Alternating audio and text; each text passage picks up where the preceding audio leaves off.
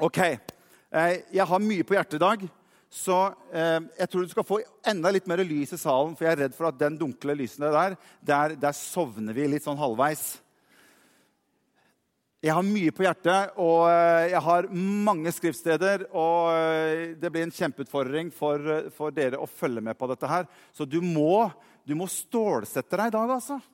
I dag er det undervisning. I dag eh, er det inn i Guds ord. og Vi skal gå inn og se på forskjellige ting. Og jeg vil at du skal være med meg på en sånn reise som dette i formiddag. For i formiddag kommer jeg til å undervise deg. Så hvis du har noe å notere med eller på, ta det fram. Engasjer deg. Få bli med meg i det som skal skje så, så, blir det mye enklere å komme igjennom. Ellers blir det, kan det hende at dette blir veldig, veldig tungt. Og så vil jeg si noen ting. Hvis noe av dette her, og det vet jeg, er litt sånn fremmed, eller dette er ting du ikke har hørt så veldig mye om, slapp helt av. I, i dag er det litt sånn hva skal vi si, preken for, for kanskje noen som har, har, vært noe involvert i dette og vet sånn, litt om disse tingene her fra før. Så, så, bare slapp helt av. Det er ikke ofte at jeg går så mye inn i Skriften som, som det jeg kommer til å til å gjøre i dag.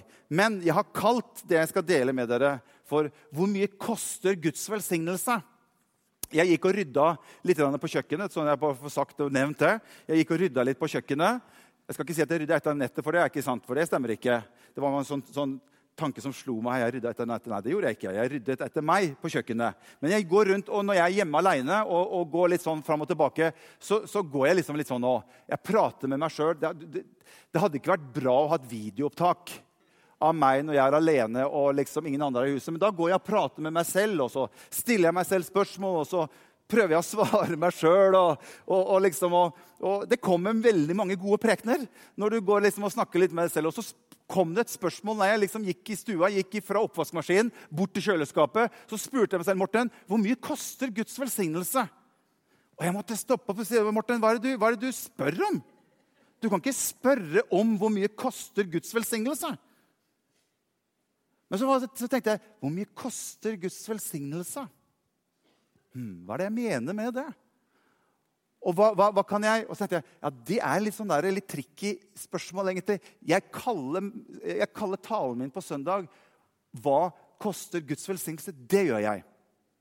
Og så kan du tenke deg, er det det du skal tale om? Nei, absolutt ikke. Det har ingenting med talen å gjøre. Det er bare en litt sånn triggende tema på talen min. Nei da, jeg bare tuller, jeg.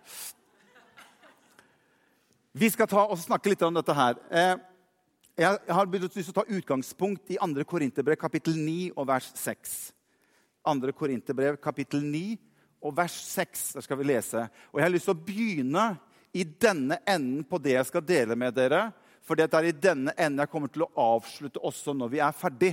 Sånn at Jeg har lyst til å ta dere med på en god del ting som jeg ønsker å vise dere i Skriften. Men jeg ønsker bare å legge på en måte noe av der jeg ønsker å ende ut i starten, sånn at dere får dere med helt fra starten her. 2. Korinterbrev, kapittel 9 og vers 6. Der står det Men dette sier jeg, at den som sår sparsomt, skal også høste sparsomt. Og den som sår rikelig, skal høste rikelig. Enhver skal gi slik han har bestemt seg for i sitt hjerte. Ikke motvillig eller av tvang. For Gud elsker en glad giver, er poeng. Og Gud er mektig. Se hvordan han kobler opp. Gud er mektig til å la all nåde komme til dere i overflod så dere alltid og i alle forhold skal ha nok av alt som trengs og kan ha overflod. Punktum. Nei, er ikke det det står. Og kan ha overflod til all god gjerning, står det. Jeg har lyst til å snakke litt om penger i, i formiddag. Du vet at Det er kanskje to ting sånn i kirkesammenheng som historisk sett har vært snakket lite om. Og Det er det som har med penger og det er det som har med sex å gjøre. Men jeg har lyst til å snakke litt om penger i formiddag. Det som er rart, det er at det vi kanskje noen ganger har valgt å snakke lite om, snakker Bibelen ekstremt mye om.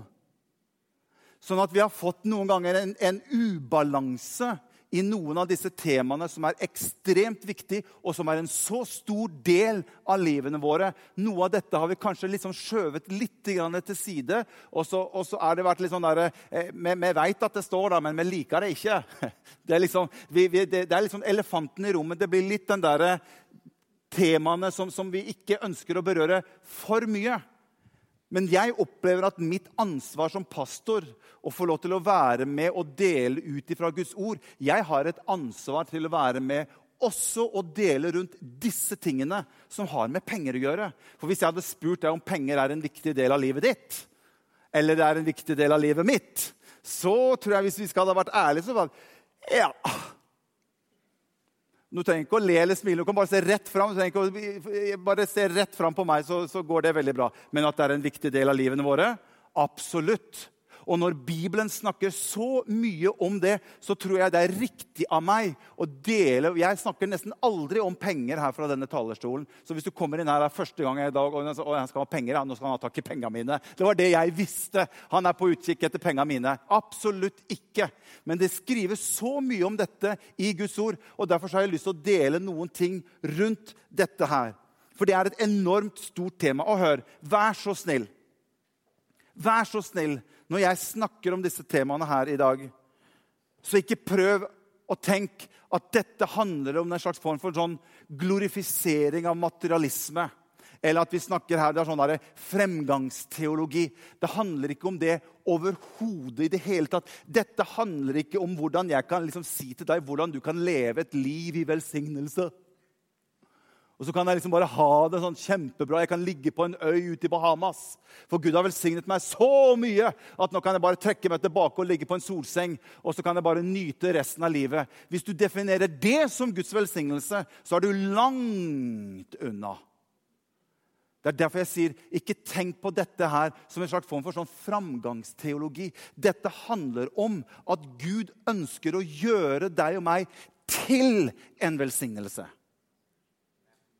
Og det er et helt annet perspektiv når du og jeg opplever at alt Gud gjør, har han en hensikt bak. For hvorfor skulle Gud liksom bare velsigne deg? Liksom, vi liksom ber til Gud 'Å, Gud, du må velsigne meg.' Og så jeg, jeg liksom sagt Morten, hvorfor skal Gud velsigne deg? Ja, men Han er jo glad i meg. Absolutt. han er glad i deg. Men hvorfor skal han velsigne deg? Gud har alltid en hensikt og et ønske med sin velsignelse i ditt og mitt liv. Og vet du hva hans hensikt er? Det er det som står på slutten av dette verset. Slik at dere har overflod til all god gjerning. Han har, en, han, han har, et mål med sin velsignelse, og det er at du og jeg skal kunne få lov til å være til velsignelse. Derfor står det at Derfor har jeg skrevet her at vi lever ikke for å få i utgangspunktet, men vi lever for å gi. Det er fokuset vårt i vårt kristne liv. Henger du med fortsatt? Vi lever ikke for å få, men vi lever for å gi. Og Når jeg sier at dette er ikke noe som vi har snakket så veldig mye om, så tenk på det at hvis du snakker om tro Ja, tro det står det vel mye om i Bibelen. Ja, det står mye om, Bibelen, om tro i Bibelen. Ca. 270 ganger snakker man om tro i hele, i hele Bibelen. Bønn, da, å be, ja, det står det vel mye om. Ja, Ca. 370 ganger. Kjærlighet. Kjærlighet, det må det stå mye om. Det står veldig mye om kjærlighet. Ca. 700 ganger i Bibelen. Men hør det å gi det står det over 2100 ganger i Bibelen. Bare for å sette ting litt i perspektiv. Sånn at Gud er ekstremt opptatt av å gi oss noe rundt det som har med å gi å gjøre. Og Derfor jeg sa det i stad. At Guds karakter er alltid å gi. Han er sjenerøs fra seg selv. Sånn at hvis du ønsker å reflektere Guds karakter, så er raushet en utrolig stor del av Guds karakter. Han ga sin sønn det eneste han hadde, for at hver den som tror på ham, ikke skal bli frelst, men ha evig liv. Derfor så ønsker jeg Sa jeg noe gærent nå? Ikke skal gå fortapt, men Hva sa jeg? skal ikke bli frelst. Du må ikke finne på å tro på han, for da blir du ikke frelst. Ja, Det var ikke meningen, i hvert fall. Nei, men Skal vi ta det en gang til? Skal vi si det sammen, da, så vi får det riktig? For så høyt har Gud elsket verden, at han ga sin sønn den enbårne, for at hver den som tror på han, ikke skal gå fortapt, men ha evig liv. Yes! Jeg tror at, jeg tror at vi har hatt en tanke litt sånn i, i kristen sammenheng òg. Og vi har liksom prøvd å sitere Bibelen at, at, penger er roten til alt ondt. Men det tror jeg ikke du finner at det står i Bibelen. Det er en, det er en, utgangs, det er en, en sånn frase som vi har, har, laget selv. Bibelen snakker aldri om at at penger er roten til alt ondt. Bibelen snakker om penger som mammon som er et bilde, som er et navn på Gud, på en gud som han definerer penger. Det er fordi at denne verden som Bibelen sier, ligger under det onde. Og det systemet som den onde har brukt penger til, det blir ondt. Derfor snakker Jesus om den urettferdige mammon. Og Derfor så står det i, i Lukas kapittel 16 vers 13 der snakker Jesus om at ingen tjener kan tjene to herrer, sier han. For enten så vil han hate den ene og elske den andre, eller så vil han være trofast overfor den ene og forakte den andre. Så sier Jesus at dere kan ikke tjene både Gud og mammon eller penger. Og Det er å ha et helt annet forhold til penger. Da snakker Jesus om at penger begynner å få makt i livet ditt. Og Det er der Jesus ønsker å gå inn, og det er noe av dette som vi skal gå inn og se litt på. For Jesus er veldig klar at du kan ikke tjene mammon. Ja, Kan du tjene penger? Absolutt. Men du kan ikke tjene mammon som en gud. For det er bare én du skal tilbe. Det er bare én som skal være først i ditt og mitt liv, og det er Jesus Kristus.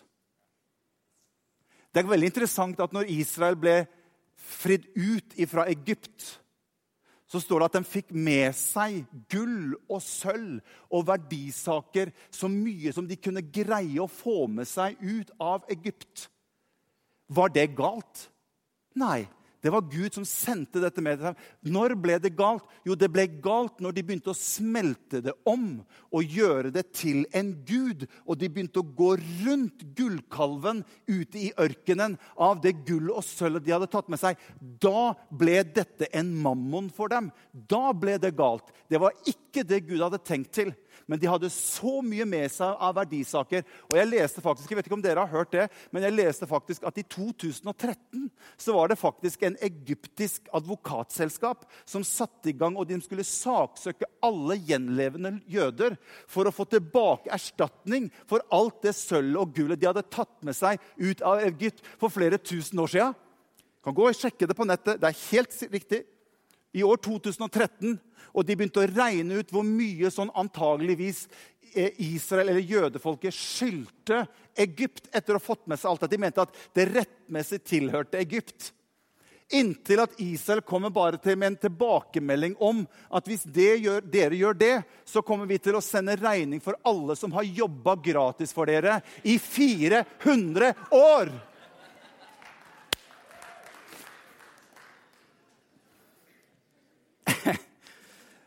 Siden har vi ikke hørt noe ifra det. Siden har vi ikke hørt noen ting ifra det advokatselskapet. Men jeg har lyst til å, å, å, ta noen minutter med dere. Henger dere med? Jeg har lyst til å ta noen minutter med dere, og så har jeg lyst til at vi skal zoome ut litt. Og når jeg har sett på det, så har jeg ønsket å trekke meg litt sånn tilbake. Og så har jeg prøvd å se hva skal vi si, Bibelen, eller Guds ord, under ett, altså fra Det gamle testamentet og inn i Det nye testamentet. Den, den, den gamle, altså Loven i Gamle testamentet, før det, gjennom Nytestamentet og så ut. Og se på en måte, prøve å få et slags form for bilde av hvordan tenker Gud rundt dette som har med penger og økonomi å gjøre.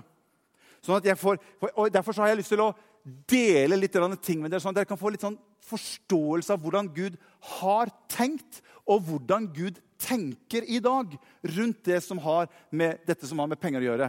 Derfor er det noen ting som jeg ønsker å dele med Er dere klare til å gå litt inn i Guds ord? Det er, et, det er to ord som er viktig før vi går inn videre. Det er to ord. Det er ordet eierskap og forvalterskap. eierskap og forvalterskap. For Bibelen er egentlig veldig klar på hva den mener, eller hvem den mener, som eier alt. Se hva som står i Salme 24, 24,1. Der står det 'Jorden hører Herren til'. Og alt som fyller den, verden og de som bor i den. Så hvem er det det tilhører? Alt tilhører Gud. Ikke bare det du og jeg på en måte gir til han. Nei, nei, nei. Fra Guds perspektiv, hvis du går tilbake og ser hvordan Gud ser på det, så tenker han at alt tilhører Gud. I Haggai kapittel 2 og vers 8 står det til og med at sølvet er mitt, sier Gud. Og gullet er mitt, sier herskarenes herre. I Salme 50 og vers 10 Jeg syns det er en fantastisk eh, salme. Se hva som står der. For alle dere som er ute og jakter. Se på denne her. For alle skogens dyr er mine! og dyrene på de tusen høyder er også mine, sier Gud. Jeg kjenner hver fugl i fjellene, og alt som rører seg på mine vidder, tilhører meg. Jeg, Og så sier han noe som jeg syns er så utrolig merkelig. Om jeg er sulten, så ville jeg ikke sagt det til deg. Så jeg liksom tenkte, jeg så for meg disse jegeren som går rundt og skyter en elg. og liksom tenker, å, der fikk jeg min. Du vet hva? Det er, det er hans. Kaniner og alt det. Jeg vet ikke hva dere skyter på ute i skauen, men altså, det, er, det, det, det, tilhører han. Jeg skjønner at vi har betalt noen sånne eh, lisenser. og, og ja, jeg er helt med på det. Men fra Guds side hør, fra Guds side så er alt jeg, alt jeg går i, den bilen jeg kjørte, metallet det er brukt, de, de, de stoffene som er brukt for å lage klærne mine Alt er jo Guds. Han eier alt. Slik at i det hele tatt at jeg kan eksistere her og få kanskje en lønning i slutten av måneden Alt er hans. Alt som er rundt her, er hans. Det tilhører han. Og jeg tror dette er ekstremt viktig å få med seg i vårt perspektiv av hvordan vi tenker rundt dette med Guds velsignelse og det som vi skal komme inne på videre i teksten. Og så har jeg et ord som heter forvalterskap. Å være en forvalter det er det greske ordet som heter oikonomos. Det er det ordet vi får økonom ut ifra. En økonom er en forvalter av noe. Så når Gud sier at 'jeg eier alt. Alt er mitt. Men så sier men jeg har satt dere her til å forvalte det. Så det er vår rolle. Det er å forvalte det Gud har gitt oss. Og har mange ting. Jeg holdt på å dele den her i to. Kan, har jeg bare ni minutter igjen?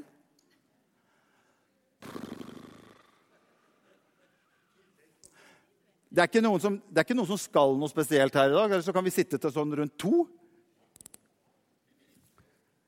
Fordi at de, de, Dere må få med dere dette her, altså.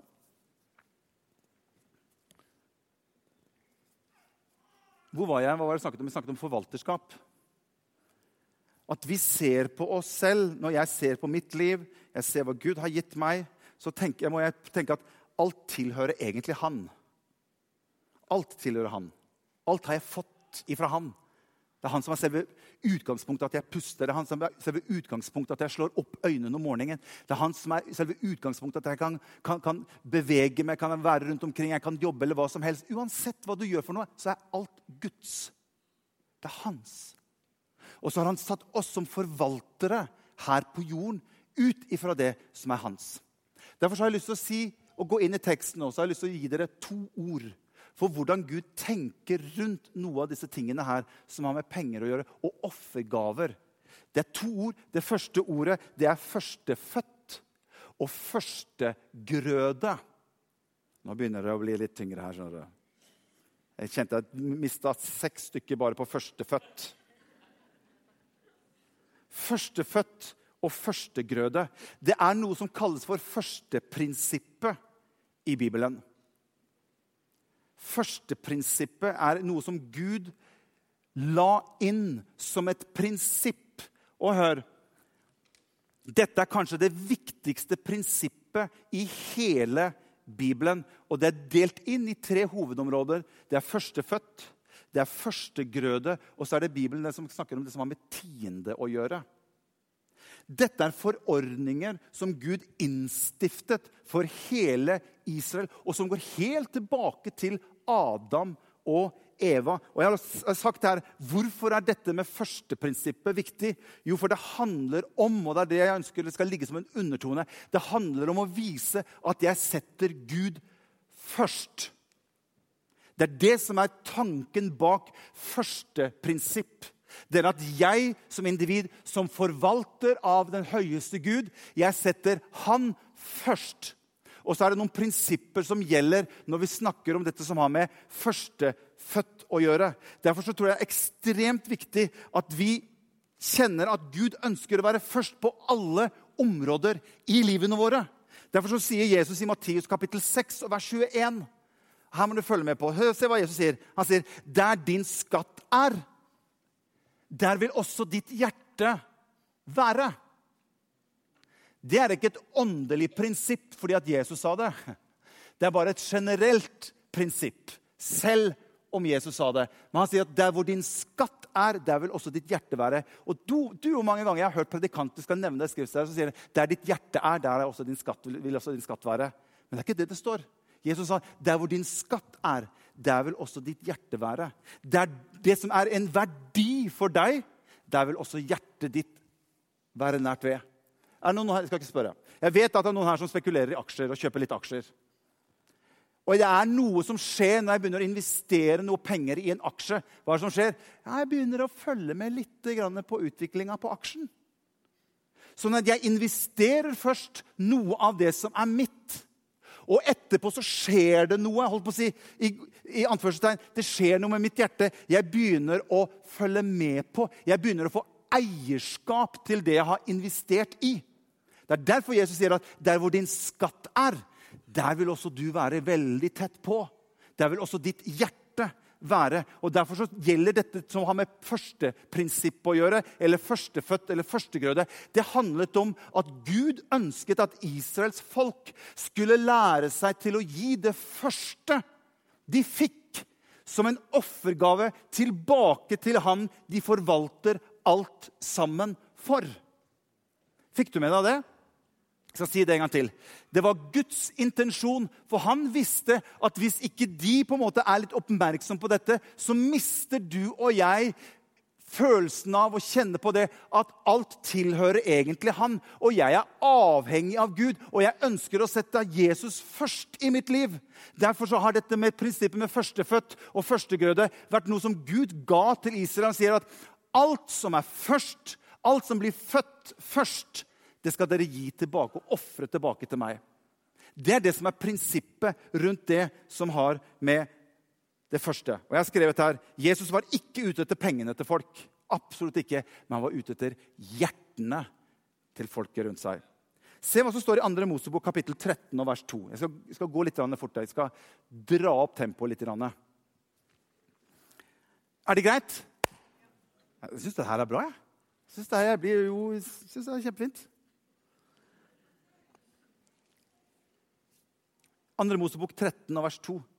Tenk på det at Jesus, gikk, Jesus brukte veldig mye lignelser når han gikk rundt omkring. Han fortalte lignelser. Vet du at 16 av de 38 lignelsene som Jesus fortalte, nesten halvparten, dreide seg om å være forvalter og gi, og med penger. Halvparten av Jesus sine lignelser dreide seg om nettopp disse prinsippene her. Derfor står det i 2. Mosebok 13, 2. Dette er Gud som sier, 'Du skal hellige alt det førstefødte for meg.' 'Alt som åpner mors liv blant Israels barn, både av mennesker og dyr, meg tilhører det.' Nå var det ikke sånn at de ofret barna. Absolutt ikke. Men de ofret førstefødt hannkjønn av de dyrene som Gud hadde sagt at disse dyrene her, når det blir født en hann, så skal den ofres tilbake til meg. Se hva som står i um, eh, 2. Mosebok kapittel 23, vers 19. Så Det første her handlet om førstefødt. Det her som kommer her, handler om førstegrøden. For Der står det i, i eh, kapittel 23, vers 19.: Det første av førstegrøden på jorden din skal du føre inn i Herren din Guds hus. Så har jeg skrevet her hvorfor ber han om det første? Jo, for det er det som kreves tro for å gi. Det var ikke sånn at Gud sa til Israels folk at hvis sauen din får mange lam, så kan du bare liksom vente til han får kanskje en ti lam, da, og så tar du det lammet som kanskje ikke du trenger. liksom sånn, det her lammet her, ja, det kan jeg gi til Gud. Det var ikke prinsippet rundt førstefødt. Det var nettopp det som var hele poenget. At når de fikk et førstefødt, så var det tilliten og det å sette Gud først som krevde at de tok det eneste de hadde fått så langt, og så gir de det tilbake til Gud som et offer til han. Jeg har skrevet også her Henger det med fortsatt? Ja, det var fire stykker. Takk. Da deler jeg litt med, med, med dere. Når, når, når, Gud skal gå inn, eller når Gud sier til Israel at etter de hadde vandret ut fra Egypt, så skal de gå inn og innta Jeriko. Gud har gitt dem beskjed om at de skal innta en del byer for Gud. Jeriko er den første byen de skal innta. Når de skal innta byen Jeriko, så skjønner hele Israels folk at denne byen kommer vi aldri til å kunne greie å innta. i det hele tatt. Umulig. Men Gud gir dem seier, men Gud gir dem en befaling. Og han sier at alt bytte, alt sølv, alt gull, alle verdisaker som dere finner i byen Jeriko, skal dere ikke ta til dere selv, for det første er mitt, sier han. Så dere skal ta det og føre det tilbake inn i tempelet til Herrens hus, sier Gud. Og dere husker historien. De går rundt Jeriko, og byen Jeriko den faller ned. og De kan gå inn og innta det. Og de tok alt byttet. Vet du hva de gjorde for noe? De tok noe og førte inn i tempelet. Men mange beholdt noe av byttet selv. Så går Israel til neste by, en liten by som het Ai. Det er det samme som Oslo er Jeriko og Røyken sentrum, der jeg bor, det er Ai. Så Israel tenker at ja, men vi har jo tatt Jeriko. Så byen Ai, eller Røyken, det er jo piece of cake. Det er bare bitte lite sånn downtown Røyken sentrum med et sånn bitte liten shoppingsenter der inne. Og der finner du sikkert Nille. De er jo overalt. ikke sant? Det er på det, er på det nivået der. Det som skjer, det er at Israel blir slått og lider et kjempenederlag. Og Josva er fortvilet, for han skjønner ikke hva har skjedd. Gud, du ga oss seier i Jeriko, men vi greide ikke å gå inn en gang og ta denne lille byen Ai. Så står det så utrolig i kapittel 7, vers 11 i Josva. Så sier Gud til Josva, 'Israel har syndet', sier han. 'For de har brutt den pakten som jeg påla dem.' De har tatt av det bannlyste godset, og de har stjålet det, og de har gjemt det bort blant sine egne ting, sier Gud. Så prinsippet om at det som er førstefødt, det skal gå til Gud uavkortet, har vært et ekstremt sterkt prinsipp i Guds rike. Det var Guds det er som å si, jeg, jeg tenkte jeg skulle ha med, jeg, jeg, jeg, har ikke noe seddel med meg, men jeg tenkte jeg skulle ha med meg ti tikroninger, som er 100 kroner. Så hvis jeg gir deg 100 kroner, så er prinsippet er at du får 100 kroner av meg. Men førstegrøden av det du får av meg, det skal du gi tilbake til meg. Sånn at du skal da ta ti kroner, og så skal du gi det tilbake til meg. Hvem er det som ga deg hundrelappen i utgangspunktet? Det var, det var jeg. Men mitt prinsipp er at hvis du er villig til å gi ti kroner tilbake til meg av det jeg gir deg, så er det et bilde på at hele hundrelappen er rettferdiggjort, er kjøpt fri. Det det, det er et bilde på at førstegrøden, førstefrukten, er min. Sånn at når du gir meg tilbake av det du har fått, så er alt det du har fått av meg i utgangspunktet, er hellig. Henger du med på den? Men nå tror jeg ikke dere greier å, å Jeg tror ikke dere tåler mer. Jeg har enda mye å si dere, sa Jesus, men dere greier ikke å bære det nå. Kan jeg ta noen minutter til? Kjære Jesus. Du må ikke gi meg så mye samtidig. Det går ikke. Se her, for Jeg har lyst til å vise dere noe som er veldig fantastisk.